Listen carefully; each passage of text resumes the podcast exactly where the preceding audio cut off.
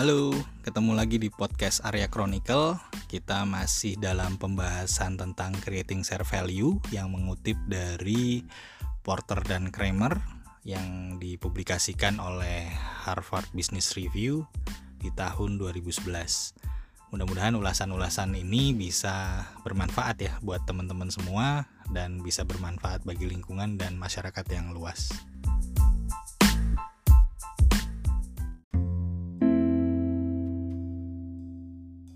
Oke, okay, teman-teman, uh, kita tadi sudah sebelumnya kita sudah melihat bagaimana cara pandang kita terhadap CSV, definisinya dan pendekatan Porter dan Kramer yang membahas tentang uh, sebelumnya itu soal product development ya.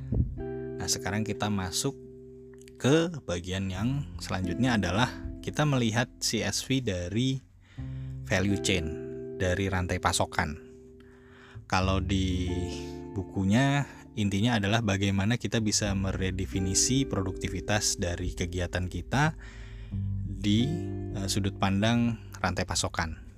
Nah, ini saya coba sederhanakan bahwa kita melihat ada enam. Jadi Porter dan Kramer itu uh, mengulas di dalam tulisannya ke dalam enam sudut pandang ya. Yang pertama adalah penggunaan energi, kemudian penggunaan sumber daya, aspek pengadaan, distribusi, produktivitas karyawan, dan lokasi. Jadi eh, enam pendekatan ini eh, bisa bervariasi. Ingat kembali lagi implementasinya sangat tergantung pada konteks yang teman-teman hadapi dan konsep yang akan teman-teman sampaikan untuk menjawab isu atau permasalahan yang ada yang teman-teman hadapi. Jadi pertama di aspek value chain ini untuk penggunaan energi di sini uh, yang bisa kita coba samerikan ya dari ulasannya Porter Kramer itu mereka melihat hmm, penggunaan energi bahan bakar untuk kendaraan. Jadi bagi perusahaan yang menggunakan jasa pengiriman barang menggunakan moda transportasi baik darat, laut, udara itu tentunya memiliki ekses atau eksternalitas yaitu masalah energi kembali soal energi kan sekarang kampanye adalah hemat energi ya. Artinya karena memang energi uh, yang berasal dari sumber energi fosil itu memiliki keterbatasan dan kita diarahkan untuk beralih ke energi baru terbarukan. Nah, uh, di sini kita bisa lihat bahwa perusahaan yang bergerak di bidang transportasi barang itu tentunya menjadi uh, pengguna energi yang cukup signifikan. Nah, beberapa perusahaan melakukan terobosan nih. Jadi, supaya mereka bisa menghemat penggunaan energi untuk transportasi, maka mereka melakukan beberapa terobosan. Bisa dari proses distribusinya yang dilakukan terobosan, misalnya untuk pengiriman barang mereka mengatur ke dalam beberapa klaster gitu. Kemudian pelayanannya yang dipercepat atau diperingkas sehingga orang tidak perlu bepergian atau barang itu bisa didapatkan dengan mudah tanpa harus bepergian. Dan proses lain yang lebih simpel teman-teman bisa uh, lihat misalnya gini. Biasa barang produk cairan uh, dikirim menggunakan truk tangki misalnya gitu. Nah selanjutnya karena perhitungan keekonomian digantikan dengan pipa. Ini juga sudah memberikan uh, dampak positif terhadap penghematan energi. Jadi bisa juga mengubah rute pola pengiriman Nah, ini juga menjadi salah satu terobosan.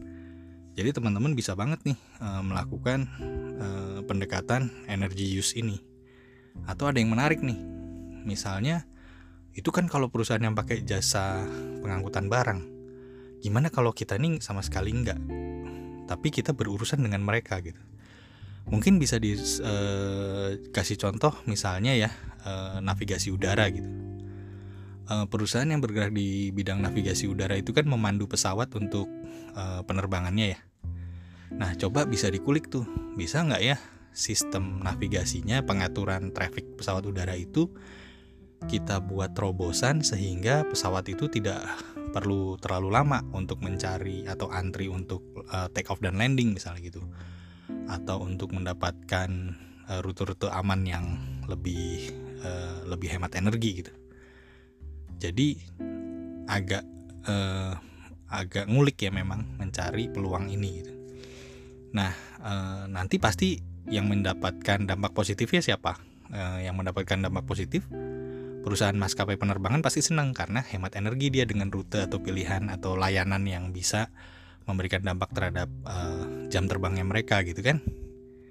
Dan yang kedua adalah tentunya lingkungan karena emisi yang terbuang menjadi berkurang. Nah, ini perlu pendalaman memang karena bisnisnya agak spesifik dan banyak contoh-contoh lain yang nanti dibedakan lagi oleh Porter di bagian selanjutnya. Kemudian penggunaan sumber daya. Jadi bisa juga bagi perusahaan yang menggunakan sumber daya air ini melakukan inovasi bagaimana caranya supaya mereka tidak menggunakan terlalu banyak air. Nah, atau menggantikan air yang biasa mereka gunakan dengan sumber air yang lain yang lebih tersedia dan lebih lebih apa namanya lebih tidak memiliki risiko negatif yang terlalu besar gitu. Jadi mencari pengganti substitusi atau melakukan inovasi teknologi yang sehingga dia tidak perlu menggunakan terlalu banyak air. Misalnya untuk e, industri apa ya yang usaha yang sederhana aja misalnya cuci mobil gitu. Bagaimana mereka bisa menggunakan kembali air yang sudah mereka gunakan yang tentunya uh, mereka bisa menggunakan pendekatan teknologi gitu ya. Jadi air itu terus berputar di situ sehingga dia tidak menggunakan atau bisa mengurangi penggunaan air tanah yang yang kalau dilakukan dengan cara biasa gitu ya. Jadi uh, ada penampungan airnya, terus airnya di uh, treatment lagi sehingga bisa digunakan untuk mencuci kendaraan.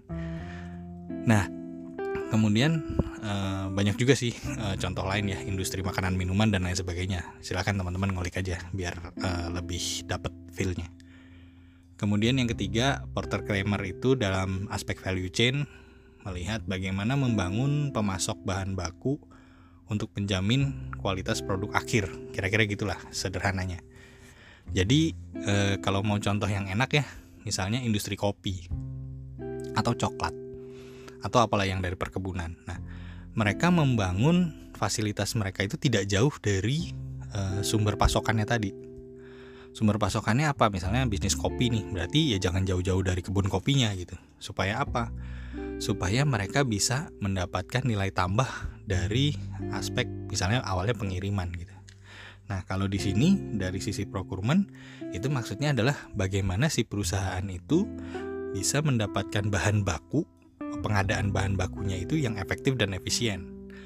Jadi yang dilihat adalah uh, bagaimana mereka bisa uh, membangun klaster produk produsen bahan baku yang mereka butuhkan. Kalau kopi tadi ya mereka memberdayakan petani kopi di sekitar pabriknya untuk menanam kopi berkualitas sehingga mereka mendapatkan produk berkualitas dengan harga yang tidak terlalu tinggi gitu. Dan si uh, produsen kopinya atau si petaninya si petani ini mendapatkan keuntungan yang lebih besar karena apa? Karena dia tidak perlu dipotong biaya transportasi yang terlalu mahal. Karena kan mereka ada di situ-situ juga gitu. Jadi artinya dengan kualitas barang yang bagus, harganya pasti udah bagus. Apalagi ditambah penghematan dari sisi pengiriman. Nah, pengembangan masyarakat kopi ini baru kita bisa coba pakai pendekatan sosial dan lingkungan dan ekonomi gitu.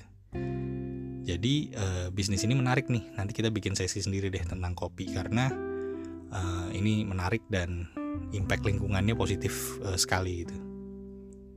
Nah selanjutnya uh, ada juga yang menggunakan pendekatan uh, dari sisi procurement itu untuk mengembangkan pemasok lokal tadi. Jadi singkat cerita dengan kita memberdayakan petani kopi di sekitar pabrik kopi kita itu kita sudah melaksanakan pemberdayaan masyarakat. Nanti sesi khusus sendiri ya soal ini soalnya ini ada dampak lingkungannya juga dan ini menarik banget. Yang keempat adalah distribusi. Nah ini ini kita langsung to point nih. Teknologi digital itu sebenarnya punya andil yang sangat besar untuk uh, creating share value dari pendekatan supply chain spesifiknya tentang distribusi. Teman-teman kebayang nggak sekarang kalau kita mau bersurat ya di kantor-kantor itu sudah menggunakan uh, email gitu ya email pun mungkin sudah zaman zaman uh, dulu ya mulainya ya udah mulai lama gitu Dan sekarang semua korespondensi di kantor itu digital. Sudah mendapatkan uh, apa namanya?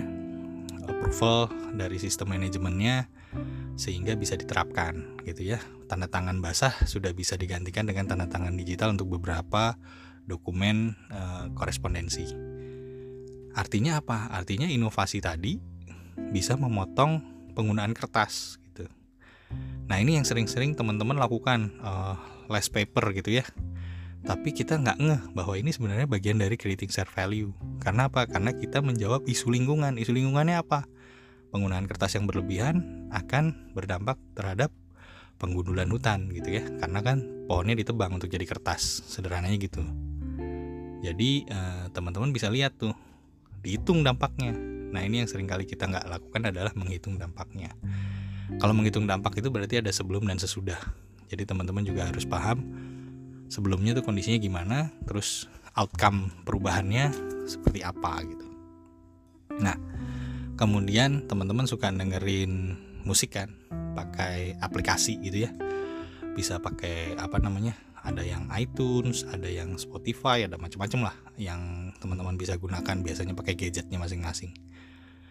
Nah di situ teman-teman kebayang nggak eh, bahwa dengan adanya musik melalui eh, media digital tadi itu kita tidak lagi uh, memproduksikan kaset yang packagingnya dari plastik semua gitu. Sehingga kita bisa lebih ramah lingkungan. Nah teknologi ini juga memberikan manfaat terhadap uh, sosial dan lingkungan. Kemudian uh, produktivitas pekerja itu juga bisa tuh dari sisi value chain. Isu sosial yang dijawab apa ya kalau pekerja kan pasti pada nanya ya ini aja contohnya di kantor pasti ada masalah dengan berat badan. Nah, yang punya masalah berat badan biasanya tuh ada namanya wellness program lah. Apa pun namanya ya, biasanya namanya dibikin yang asik gitu. Yang intinya adalah untuk uh, supaya badan tetap fit gitu ya. Dan kalau di beberapa lembaga itu bahkan ada uh, kegiatan jasmani setiap hari tertentu gitu. Nah, sebenarnya itu untuk apa? Untuk mendorong produktivitas. Cuma karena jargon yang kita gunakan lebih kepada supaya sehat, supaya ini, kadang kita lupa apa impactnya buat perusahaan. Ternyata yang harus kita ukur dari kegiatan itu adalah pengeluaran untuk pengobatan karyawan. Apakah ada dampak? Nah, itu yang menarik. Jadi, isu sosialnya adalah tingkat kesehatan. Kalau itu bagi sosialnya, bagi pekerja ya uh, bagi mas apa namanya uh, pekerjanya.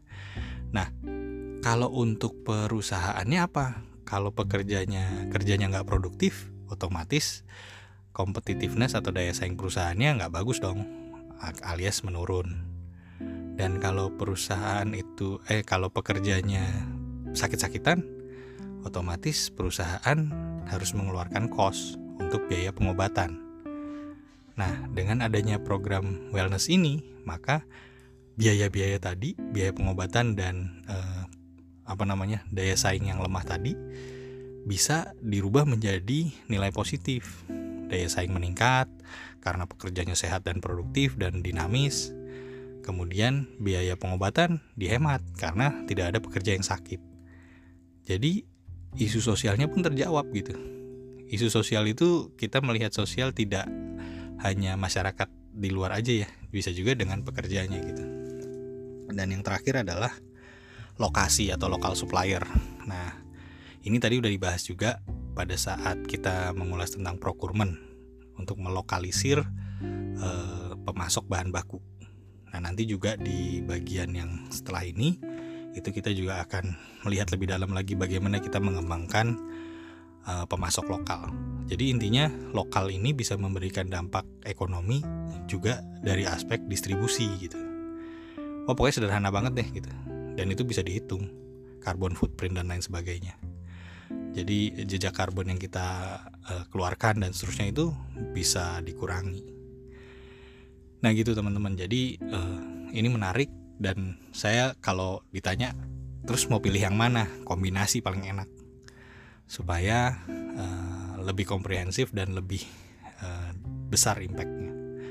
Itu kira-kira. Terima kasih.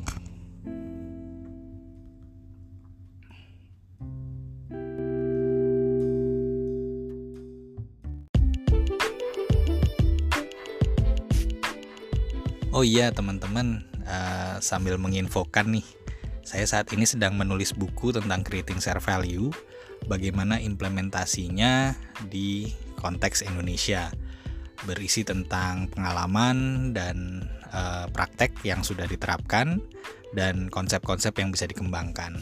Harapannya sih bisa bermanfaat untuk teman-teman praktisi, akademisi maupun pemerhati tanggung jawab sosial dan lingkungan dan juga bagi teman-teman yang uh, berminat dengan konteks uh, creating share value ini.